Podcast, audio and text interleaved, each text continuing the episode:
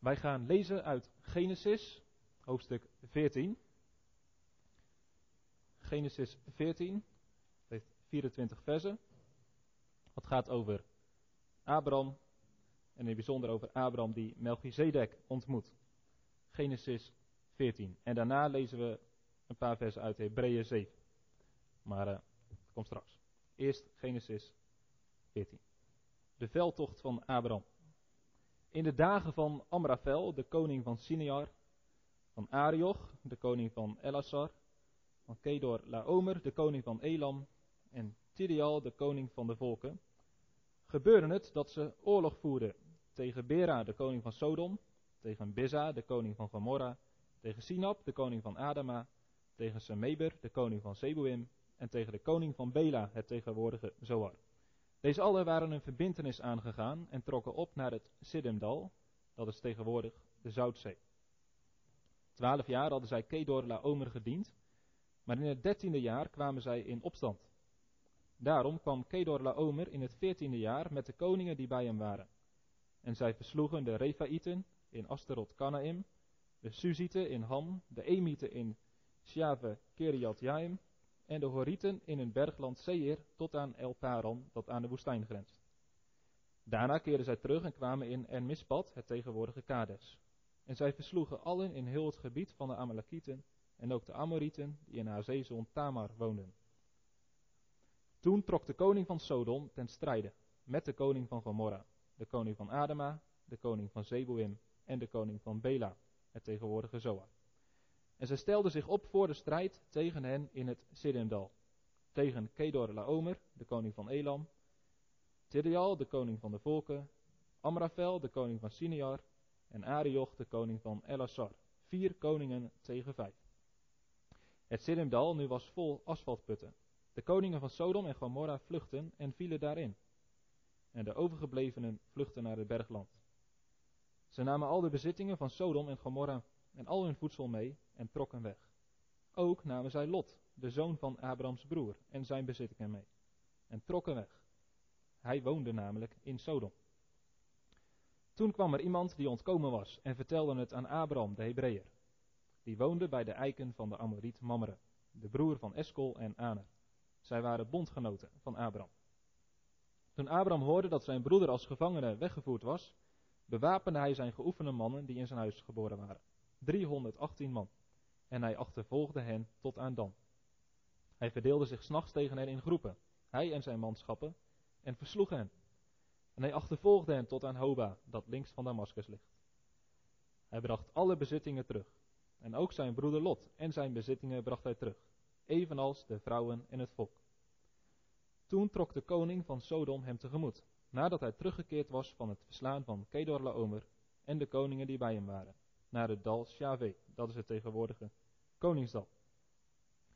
En Melchizedek, de koning van Salem, bracht brood en wijn. Hij was een priester van God, de Allerhoogste. En hij zegende hem en zei, gezegend zij Abraham door God, de Allerhoogste, die hemel en aarde bezit. En geloofd zij God, de Allerhoogste, die overgeleverd heeft uw tegenstanders in uw hand. En hij gaf hem van alles een tiende deel. De koning van Sodom zei tegen Abraham, geef mij de mensen, maar houd de bezittingen voor uzelf. Maar Abraham zei tegen de koning van Sodom, ik zweer bij de Heere, God, de Allerhoogste, die hemel en aarde bezit, dat ik niets van draad tot schoenriem toe, ja niets van alles wat van u is, zal nemen, zodat u niet kunt zeggen, ik heb Abraham rijk gemaakt. Verre daarvan, alleen wat de knechten gegeten hebben, en het deel van de mannen die met mij meegegaan zijn, Aner, Eskel en Mamre, laten die hun deel nemen. Tot zover dit hoofdstuk. Ik wil nog een paar les, versen lezen uit Hebreeën 7. Nieuw Testament, Hebreeën 7. En daarvan vers 1 tot en met 4. Maar het gaat over Melchizedek. Hebreeën 7, vers 1. Deze Melchizedek was namelijk koning van Salem, een priester van de Allerhoogste God. Hij ging Abraham tegemoet toen hij terugkeerde na het verslaan van de koningen. En hij zegende hem. Aan hem gaf Abraham ook van alles het tiende deel. In de eerste plaats was Melchizedek, al dus de vertaling van zijn naam, koning van de gerechtigheid. En verder was hij ook koning van Salem, dat is koning van de vrede. Zonder vader, zonder moeder, zonder stamboom kent hij geen begin van dagen en ook geen levenseinde. Maar aan de zoon van God gelijk gemaakt, blijft hij in eeuwigheid priester. Merk nu op hoe groot hij geweest is. Iemand aan wie de aartsvader Abraham zelfs een tiende deel van de buit gegeven heeft. Zover onze schriftlezing. Ik wil vandaag twee preken houden over Melchizedek. Uh, vanmorgen gaan we kijken naar Abraham en Melchizedek. En dat is een mysterieuze ontmoeting. Een mysterieuze ontmoeting. En vanavond gaan we kijken naar Levi en Melchizedek. En dan zien we een noodzakelijke overgang in priesterschap. Dat staat in Hebreeën 7, de laatste. We focussen ons nu vooral op Genesis 14. De historische gebeurtenis dat Abraham Lot bevrijdt en dat hij vervolgens Melchizedek ontmoet. Een mysterieuze ontmoeting. De geschiedenissen van Abraham, die een paar hoofdstukken hierna de naam Abraham krijgt, zijn denk ik iedereen wel bekend. De kinderen zijn net uh, vertrokken naar de kindernevendienst. En ik zag dat de laatste maanden de vertellingen ook regelmatig over Abraham gingen. En er is genoeg over deze aartsvader te vertellen. Van zijn roeping vanaf Genesis 12 tot aan zijn sterven in Genesis 25. Veel inspirerende verhalen over een groot persoon, Abraham. En na Genesis 25 is zijn naam nooit meer vergeten. In heel de Bijbel, maar misschien wel in heel de wereldgeschiedenis, is Abraham een pikant en bepalend figuur geworden. Dat heeft te maken met de roeping van Abraham en het verbond dat God met Abraham heeft gesloten. En dat verbond was niet alleen met Abraham, God had gezegd, dat is ook met je nageslacht tot in eeuwigheid. Alle generaties door. Dus wie wil niet horen bij het nageslacht van Abraham? Dat was de trots van de Joden. Onze vader Abraham. Ze zeggen tegen Jezus met trots: Wij zijn het nageslacht van Abraham. Dat was de eer, de roem van de Joden. En wij als christenen doen ook een beetje mee. Want Paulus heeft ons geleerd dat iedereen die wandelt in hetzelfde geloof als Abraham, iedereen die gelooft in Jezus Christus, ook hoort tot het nageslacht van Abraham. En de moslims doen ook nog mee. Want die zeggen, Abraham is de eerste moslim. Dus voor de Joden is hij de stamvader, voor ons als christenen is hij de vader van het geloof en volgens de Koran de eerste moslim. Is Abraham belangrijk of niet? Dit heeft te maken met die relatie die Abraham had, het verbond dat God met Abraham had gesloten. En God heeft zichzelf zo nauw aan Abraham verbonden dat het eigenlijk gaat horen bij de identiteit van God. Als Mozes later vraagt aan God: Wat is uw naam? Met die bevrijding uit Egypte. Dan zegt God allereerst: Mijn naam is Here. Maar vervolgens zegt hij: Ik ben de God van Abraham, Isaac en Jacob. Gods naam is verbonden aan de naam van Abraham. En dat verbond wat God met Abraham heeft gesloten, dat is het kader van heel de helse geschiedenis. Alles wat God in het Oude Testament, in het Nieuwe Testament, ja tot op de dag van vandaag doet om mensen te redden, dat heeft op een of andere manier te maken met dit verbond met Abraham. Al het helswerk van God in heel de geschiedenis staat niet los van het verbond dat God met Abraham 4000 jaar geleden heeft gesloten. Wij zingen niet voor niets bij de doop. Psalm 105. God zal zijn waarheid nimmer krenken, maar eeuwig aan zijn verbond gedenken. Het verbond met Abraham, zijn vriend, bevestigde hij van kind tot kind. Abraham is bekend, belangrijk en bepalend voor heel de geschiedenis. Abraham is ook een groot voorbeeld. Een groot voorbeeld van geloof. Je zult maar de opdracht krijgen om alles achter te laten en naar een ver vreemd land te gaan, een onbekende toekomst in. Abraham is ook een groot voorbeeld van gehoorzaamheid. Je zult maar de opdracht krijgen om je eigen zoon te offeren. Maar Abraham gehoorzaamt. En Joden zien Abraham dan eigenlijk ook als de meest perfecte voorbeeld wat er is van het leven met en voor God. Abraham is een voorbeeld van gehoorzaamheid, maar ook van vredelievendheid, van rechtvaardigheid en van bescheidenheid. Ja, Mozes zou, de wetten van Mozes waren nog niet gegeven, maar toch, Mozes heeft al deze wetten met stipt gehouden. Abraham. Abraham is een uniek, perfect voorbeeld van gehoorzaamheid. En als er iemand de hemel heeft verdiend op basis van zijn werken, dan is het toch wel Abraham. Nou, zegt Paulus, daar ben ik het niet mee eens. Want er staat in Genesis 15 dat Abraham niet gered is door zijn werken, maar er staat dat hij gerechtvaardigd werd door zijn geloof. Zijn geloof werd hem tot gerechtigheid gerekend. Dat staat in Genesis 15, misschien heeft u toevallig voor u. Genesis 15, vers 6. En hij geloofde in de Heer en die rekende hem dat tot gerechtigheid. En Paulus laat daarmee zien, wij kunnen allemaal door het geloof gerechtvaardigd worden en niet door de werken van de wet. Dus allereerst, we moeten Abraham zien als een voorbeeld van geloof. Hij geloofde in de belofte van God. Misschien wel mooi om dat erbij te zeggen. In Romeinen 4 staat over Abraham.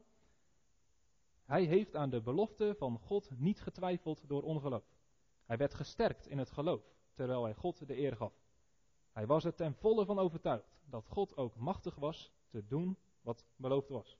En daarom is het hem tot gerechtigheid gerekend. Nou, ditzelfde geloof moeten wij hebben. God heeft belofte gedaan, daar moeten wij niet aan twijfelen door ongeloof, maar we moeten sterk zijn in ons geloof en God de eer geven. Dat God machtig is om alles te doen wat hij heeft gezegd. Dat is geloof. Maar, zegt Jacobus, die gaat Paulus aanvullen, die zegt, maar kijk nou naar dat geloof van Abraham. Dat was geen doodgeloof, dat was een levend geloof. Dat geloof, dat bleek in de praktijk. Dat bleek uit te werken. Dus Abraham is ook een voorbeeld van goede werken. Een voorbeeld van het leven uit het geloof naar de wil van God. Hij offerde zijn zoon Isaac. Dat is uitermate gehoorzaam zijn. En zo moeten wij ook Abraham volgen als een voorbeeld van gehoorzaamheid. Nou, zo kunnen we de alle geschiedenis van Abraham lezen. En dat kunnen we ook doen met Genesis 14. Wie is Abraham? Wat doet hij hier?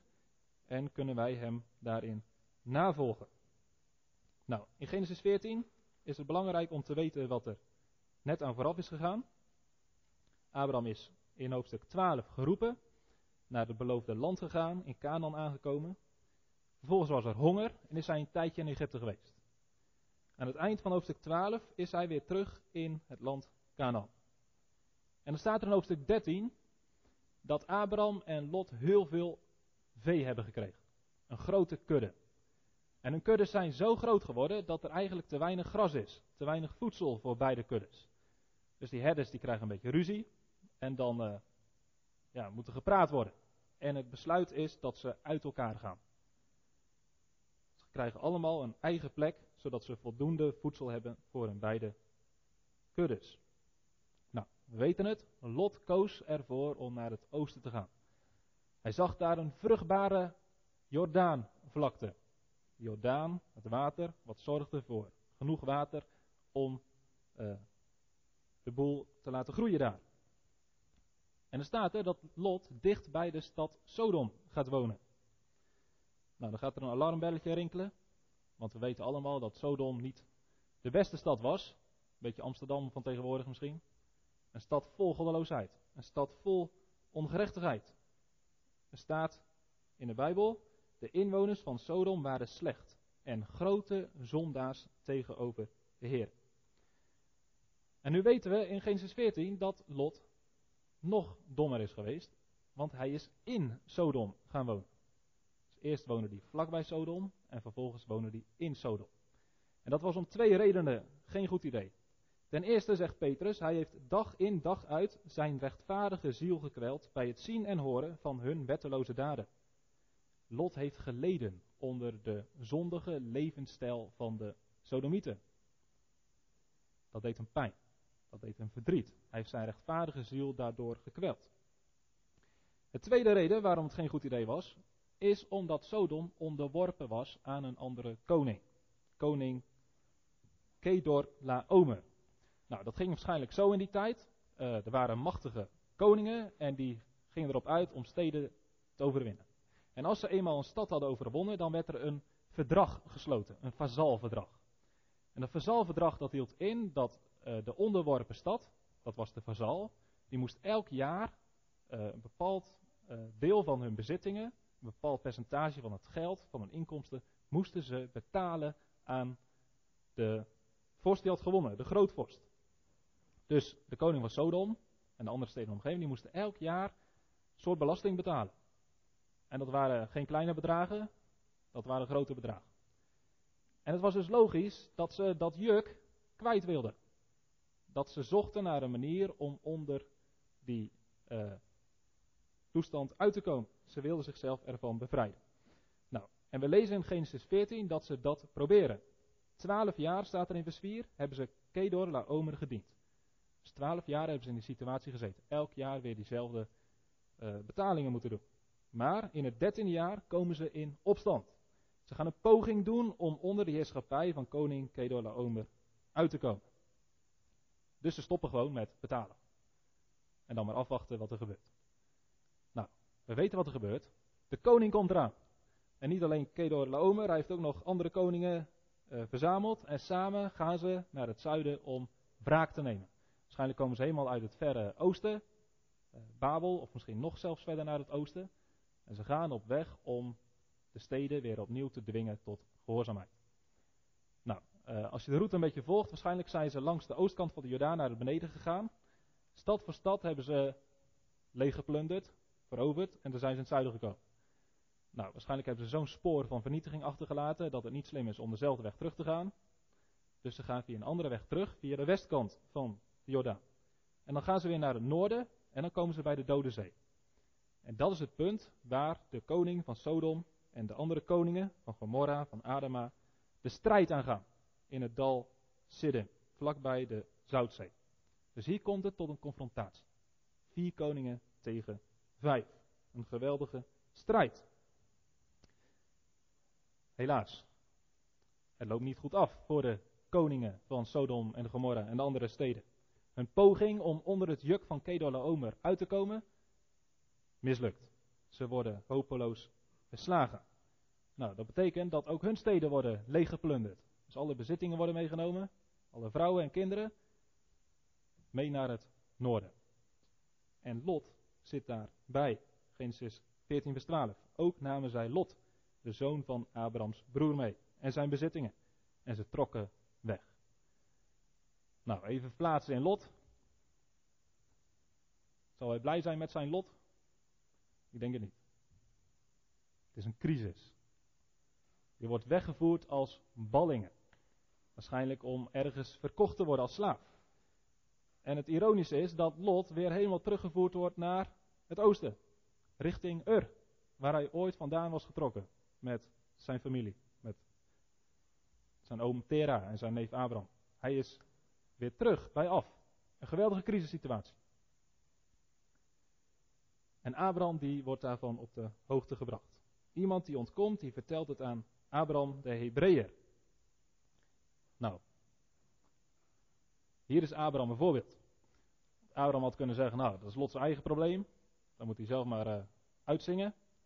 Hij heeft zelf die keus gemaakt om daar te gaan wonen. En uh, ik ga het risico niet lopen om die koningen ook nog een keer aan te vallen. Want de kans dat zij ook mij verslaan is best wel groot. Nee, Abraham die zegt, ik haal alle mannen bij elkaar. Alle getrainde mannen, alle mannen die een beetje kunnen vechten. En we gaan samen de koning achterna. We gaan een poging doen om Lot te bevrijden. Nou, dat is een eerste les die we uit deze geschiedenis kunnen trekken. Wat doen wij met broeders die in nood zijn? Familieleden, eh, broeders en zusters in de kerk. Als wij weten dat iemand in een crisissituatie zit, trekken wij ons dat aan? Doen wij de moeite om iemand eruit te helpen? Of laten we dat gebeuren? Abraham is een voorbeeld. Want hij doet er alles aan om Lot te bevrijden. Er staat een mooie tekst in 1 Johannes 3. Die zegt dat wij uh, diezelfde houding moeten hebben. Er staat, uh, hieraan leren wij de liefde van God kennen, dat Hij voor ons zijn leven heeft gegeven. Dus Jezus, om ons te bevrijden, heeft zijn leven gegeven. Maar dan zegt Johannes, daarom moeten ook wij voor onze broeders het leven geven. Gaat best wel ver, hè? Dus aan het avondmaal, dan denken wij dat Jezus zijn leven voor ons heeft gegeven. Maar als we beseffen wat dat betekent en we mogen eruit leven, dan moeten wij ook bereid zijn om voor onze broeders hetzelfde te doen. Als het nodig is ons leven in de waagschaal te stellen. Ja, zelfs te geven. Zoveel liefde moeten wij voor elkaar hebben. En Abraham had dat. Hij ging zijn broeder Lot achterna en hij ging hem proberen te bevrijden. Nou, hij moet een heel eind naar het noorden. En er staat dat ze het leger achterhalen bij de stad Dan. Hij achtervolgde hen tot aan Dan. Nou, wat een beetje leuk is, misschien. Uh, waar die stad vroeger was, daar zijn in de jaren 80 opgravingen gedaan. Dus ze hebben gezocht naar sporen van die oude stad. En op een gegeven moment, toen werd er uit uh, het stof en het zand een hele bijzondere poort getoverd. Een poort die waarschijnlijk al 1500 tot 2000, 2000 jaar oud is. Um, volgens mij zijn hier Israël-reizigers geweest. Ik weet niet of jullie ook daar zijn geweest. Bij Dan? Bij die poort?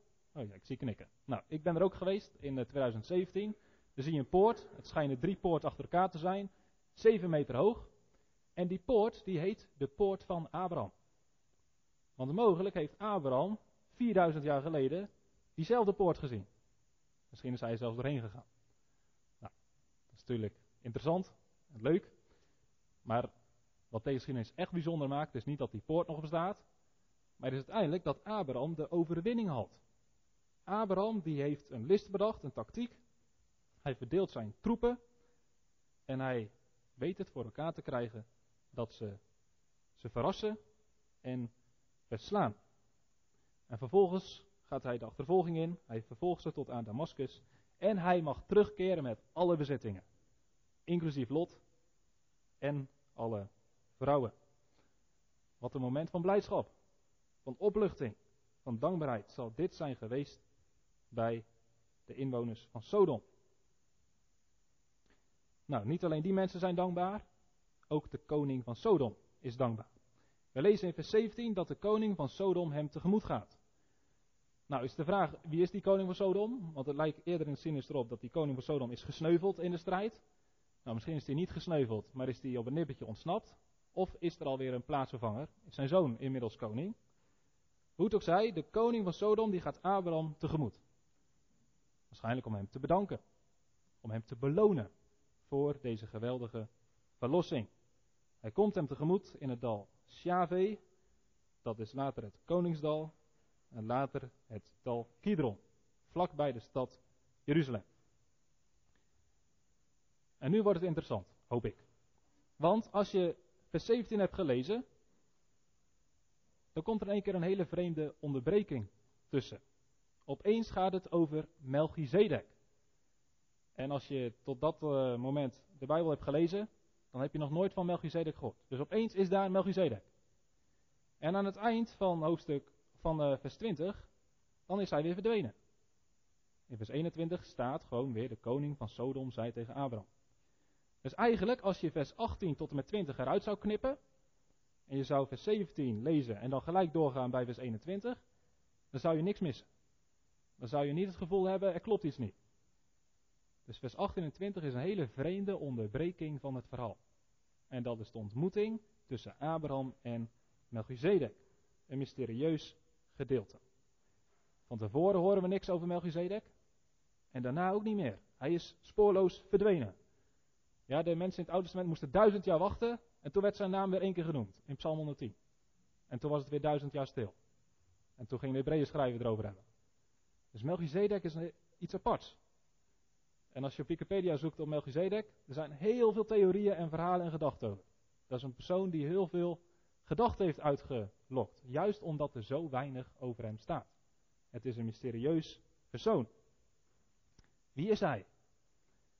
Waarom wil hij Melchizedek, waarom wil hij Abraham ontmoeten? Wat doet hij daar in het dal van de koning? Wat betekent zijn aanwezigheid, zijn ontmoeting met Abraham voor, zijn, voor de ontmoeting van Abraham met de koning van Sodom? Laten we kijken wat er gezegd wordt van Melchizedek. Vers 18. Melchizedek, hij was de koning van Salem. Nou, dat heb ik net al uitgelegd bij Psalm 48. Salem, dat doet denken aan Jeruzalem. Salem was waarschijnlijk de oudste naam van de stad Jeruzalem. En er wordt gezegd dat Melchizedek daar koning was. Hij was koning in die stad die vandaag de dag nog steeds een hele belangrijke stad is. Vervolgens lezen we dat hij brood en wijn bracht. Melchizedek, de koning van Salem, bracht brood en wijn. Nou, gaan we niet gelijk aan het avondmaal denken. Doen we straks wel. Hij bracht brood en wijn. Waarom? Nou, het kan zijn dat hij Abraham een vriendelijke daad wilde bewijzen. Abraham had hard gevochten met zijn legers. Ze waren natuurlijk moe. En ze hadden wel wat lichamelijke versterking nodig. Brood en wijn. Het zou kunnen. Er kan ook nog iets meer achter zitten. In het oude nabije oosten was het de gewoonte om een verbond te sluiten. Als je machtig genoeg was. En je was misschien zelfs een beetje bang voor iemand, iemand anders die ook machtig was. Dan kon je een verbond sluiten. Nou, Abraham was een gigantisch grote herdersvorst geworden. Met heel veel macht. En koning Melchizedek was ook een man met macht. Dus het kan zijn dat Melchizedek, juist omdat Abraham die overwinning had behaald, een verbond wilde sluiten met Abraham. En dat verbond ging samen met een maaltijd, samen met het eten van brood en het drinken van wijn. Vervolgens wordt er gezegd van Melchizedek, hij was een priester van God, de Allerhoogste. Hij was een priester van God, de Allerhoogste. Dat betekent dat uh, Melchizedek de ware God kende. God de Allerhoogste, dat is geen afgod, dat is dezelfde God als de God van Abraham. Dus Abraham is niet de enige die op dat moment de Heer kent. Op een of andere manier heeft de Heer zich ook geopenbaard aan Melchizedek. En Melchizedek is door God priester gemaakt. En dit is heel opvallend, want we weten nu dat Melchizedek en koning is en priester. Nou, dat is heel opvallend, omdat er in het hele Oude Testament dat niet voorkomt. Het is onmogelijk dat iemand zowel koning is als priester. Je bent één van twee. Het is zelfs zo dat op een gegeven moment koning Uzia, die dus koning is, de rol van een priester op zich wil nemen. Hij gaat de tempel binnen om te offeren. Maar dat mag niet. Hij wordt gestraft met melaatsheid. Het is onmogelijk om als koning priester te zijn of als priester koning. Toch zijn er twee uitzonderingen in het Oude Testament. De eerste is David. David is natuurlijk koning. Maar er zijn momenten dat David zich gedraagt als een priester. Er staat bijvoorbeeld dat David een keer heeft geofferd. En als de ark wordt gehaald, dan huppelt hij voor de ark uit in priesterkleding. En David heeft gegeten van de toonbroden. Daar mocht niemand van eten dan alleen de priesters. Dus David, die, heeft, is koning, maar die lijkt af en toe een beetje op een priester. Dus je zou kunnen zeggen, hij is een priesterlijke koning. En dan is er nog een voorbeeld. Dat is de priester Jozua. In Zacharia wordt over hem gesproken. Hij is een priester, maar hij wordt beschreven in koninklijke woorden. En later in Zacharia 6 wordt hij ook werkelijk gekroond tot koning. Dus hier zien we ook iemand die en koning is en priester. Wat heeft dat te betekenen? Wat zegt dat? Hoe kan dat? Nou, Melchizedek is koning en priester. We laten het nog even open. We laten het nog even een geheim, een mysterie. Vervolgens staat er dat deze Melchizedek als koning en als priester Abraham gaat zegenen. In vers 19. Hij zegende hem. Zei, gezegend zij Abraham door God, de Allerhoogste, die hemel en aarde bezit. Nou, dat was de taak van priesters. Om de zegen van God op te leggen. En dat is wat Melchizedek hier doet. Hij legt de zegen op aan Abraham. Abraham, tegen wie gezegd was, in jou zullen alle geslachten van de volken gezegend worden. Abraham, ik zegen jou, zei God, zodat je tot een zegen bent. Er is geen mens verder geweest die Abraham ooit heeft gezegend. Het was altijd andersom. Abraham zegende anderen. Maar hier komt Abraham iemand tegen die hem zegent. Dat betekent dat Melchizedek meer is dan Abraham. Daarna staat er dat Melchizedek God gaat prijzen. Vers 20. Geloofd zij God de Allerhoogste, die overgeleverd heeft uw tegenstanders in uw hand. Hier gaan we de tweede les uittrekken. Abraham had toch de overwinning behaald. Abraham was toch zo moedig geweest om zijn leger in de beweging te brengen en de achtervolging in te zetten. Abraham had toch zijn groepen verdeeld en hen met een verrassingsaanval weten te overmeesteren. Nou, zegt Melchizedek, jij hebt het niet gedaan. Het is God, de Allerhoogste, die heeft jouw tegenstanders in je hand overgeleverd. Dus Abraham krijgt niet de eer voor zijn overwinning. God krijgt de eer. Hoe gaan wij om met succes in ons leven? Als wij iets hebben gepresteerd, misschien een dappere daad hebben gedaan, of iets moeilijks hebben opgelost, dan kunnen we ons verheven voelen. Dan kunnen we snakken naar complimenten.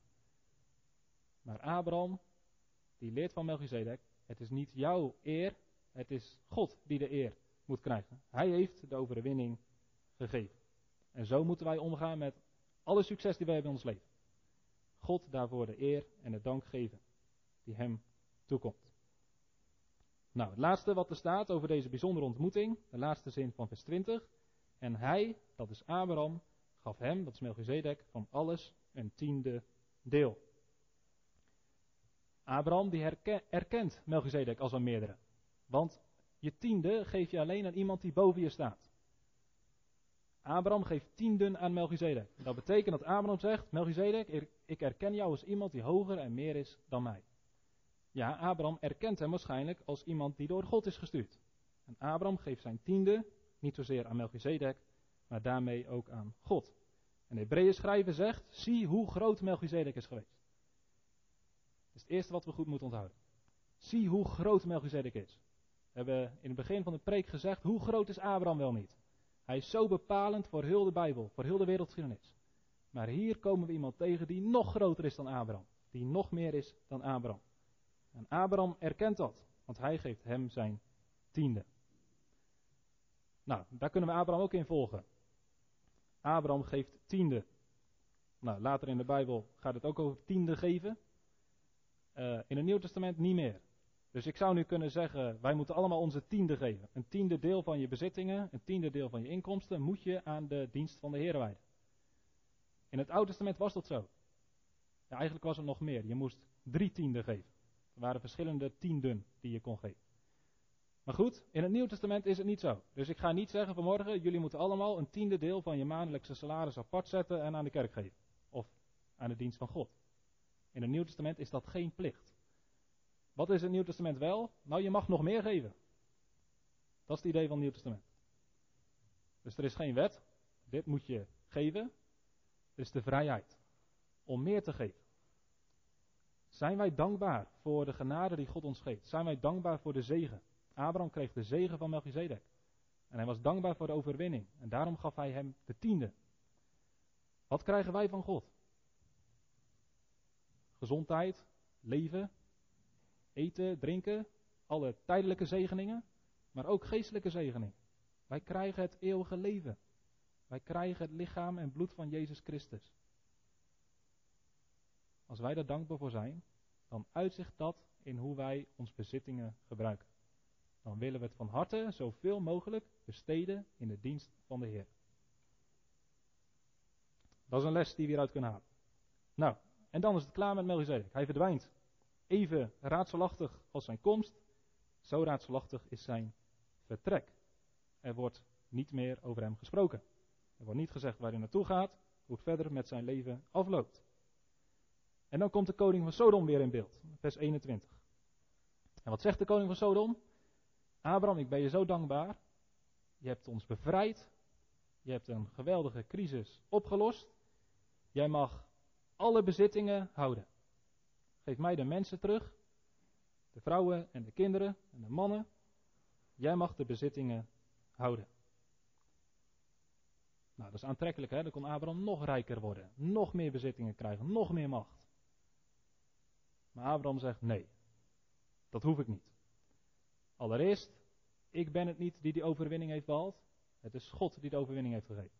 Hij krijgt de eer. En de tweede zegt Abraham, ik wil niet dat er straks gezegd wordt dat jij mij hebt rijk gemaakt. Want ik wil leven van de zegen van God. Uiteindelijk is Hij het die mij rijk maakt. Nou, daar kunnen we ook van leren.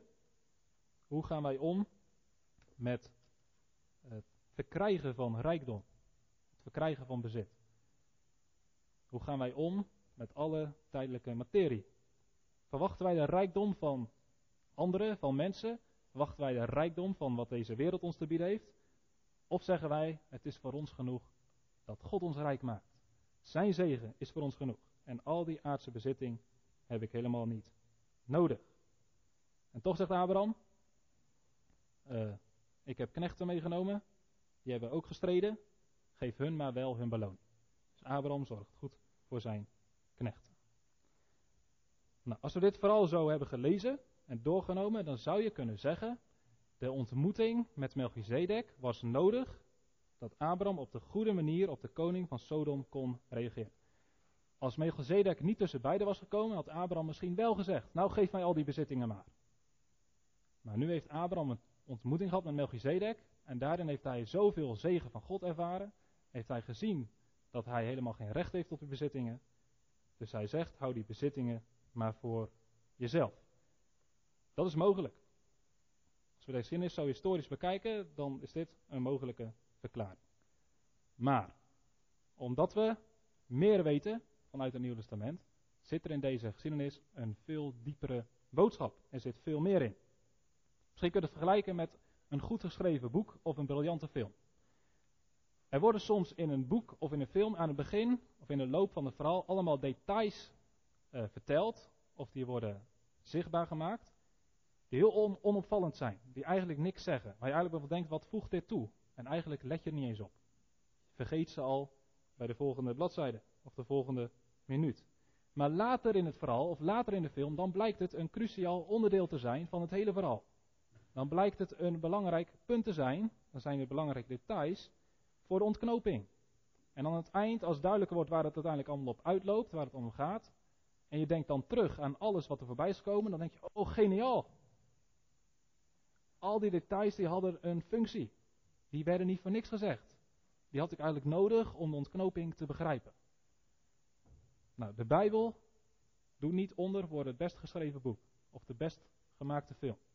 De Bijbel is literair gezien een fantastisch boek. Het zit fantastisch in elkaar. Het zijn heel veel schrijvers, schreven over een hele lange periode. Maar ondanks al die schrijvers en ondanks die lange tijd waarin de Bijbel is ontstaan, heeft het toch één groot verhaal.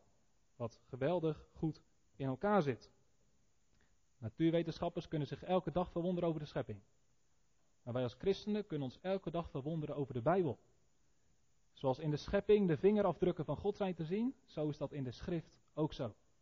En dat gaan we zeker ook in dit gedeelte zien. De ontknoping van het Oude Testament vindt plaats in het Nieuwe Testament. In het Nieuwe Testament wordt pas duidelijk waarom heel veel dingen in het Oude Testament zo zijn opgeschreven. En die ontknoping die geeft Jezus zelf. Want Jezus zegt tegen zijn discipelen, tegen de Joden, onderzoek de schriften, want die zijn het die van mij getuigen. Ga het Oude Testament doorlezen en ga op zoek naar mij. Overal kom je mij tegen. Overal zie je details en beschrijvingen van wie ik ben. Nou, daar zijn wij stekenblind voor. Dat zien we helemaal niet. We lezen eroverheen, we vinden het onopvallend en we vergeten het. En dat was bij de discipelen ook zo. En daarom staat er na de opstanding van de Heer Jezus dat hij hun verstand opende. Hij verlichtte hun verstand, zodat zij de schriften begrepen. Dus Jezus gaf hun de Heilige Geest. En opeens zagen ze in de Bijbel, in het Oude Testament, allemaal beschrijvingen, typeringen van wie Jezus Christus is. Nou, en zoiets heeft de schrijver van de Hebreeën ook gekregen. De schrijver van de Hebreeën heeft van God het inzicht gekregen om in die geschiedenis van Melchizedek veel meer te zien dan alleen maar een bijzondere ontmoeting met Abraham, die op Abraham een bepaalde uitwerking had. Want, zegt de schrijver in Hebreeën hoofdstuk 7, wie was Melchizedek eigenlijk? Wat betekent zijn naam? Melchizedek. Dat is afgeleid van twee woorden in het Hebreeuws. Melech, dat is koning, en Zedek, dat is rechtvaardig. Dus zijn naam betekent hij is een rechtvaardige koning. En hij was koning van Salem. Ja, zeiden we, dat was Jeruzalem. Dat klopt. Maar Salem, als je dat letterlijk vertaalt, dan betekent dat vrede. Shalom. Hij is de koning van vrede. Dus Melchizedek is een koning van gerechtigheid. Een koning die rechtvaardig is. En hij is een koning van de vrede. En vervolgens zegt de schrijver de Hebreeën, is het niet opvallend dat er helemaal niks wordt gezegd over de afkomst van Melchizedek? Als je Genesis doorleest, dan kom je overal geslachtsregisters tegen. Alle belangrijke personen hebben een hele duidelijke stamboom. Er wordt heel duidelijk verteld waar ze vandaan komen. Maar Melchizedek heeft dat helemaal niet. Er wordt niet gesproken over een vader, over een moeder. Er wordt niet gezegd dat hij koning is omdat zijn vader ook koning was. Of omdat hij priester is omdat zijn vader het ook was. Nee, hij is zonder stamboom. En hij is ook zonder einde. Hij is zonder begin van levensdagen, maar ook zonder levenseinde. Er staat nergens dat Melchizedek is gestorven. Nou zegt de schrijver in Hebreeën, hij is aan alles, in alles, aan de Zoon van God gelijk gemaakt. Hij is aan de Zoon van God gelijk gemaakt. Wat betekent dat? Nou, er zijn twee opties. Sommige mensen zeggen, Melchizedek was de Zoon van God. Dus die Melchizedek, dat was Jezus, maar dan al 2000 jaar geleden, voordat Jezus naar de aarde was gekomen. Er zijn in het Oude Testament meerdere verschijningen van de Zoon van God. Jezus is op een gegeven moment mens geworden, maar voordat Jezus mens werd, was hij al van eeuwigheid de Zoon van God. Hij bestond altijd al. En daarom kun je ook verwachten dat in het Oude Testament hij af en toe naar voren komt. Er zijn openbaringen van Jezus voordat hij mens was geworden. En die Melchizedek was niemand anders dan de Zoon van God. Maar, zegt de schrijver Hebreeën, hij zegt niet hij was de Zoon van God. Er staat hij was aan de Zoon van God gelijk gemaakt. Hij leek op de Zoon van God. Dus een andere uitleg, en die is denk ik beter, is niet dat Melchizedek de Zoon van God was, maar dat hij op de Zoon van God leek. Kijk, als je het over een roos hebt, dan zeg je niet die roos die lijkt op een roos. Nee, een roos is een roos. Als de schrijver naar Hebreeën zegt, Melchizedek lijkt op de Zoon van God, dan is dat niet hij is de Zoon van God, maar hij lijkt erop. Wat bedoelt hij daarmee? Melchizedek is een type, een voorbeeld van Jezus Christus. In Melchizedek kun je bepaalde dingen zien die ook van toepassing zijn op wie Jezus Christus is.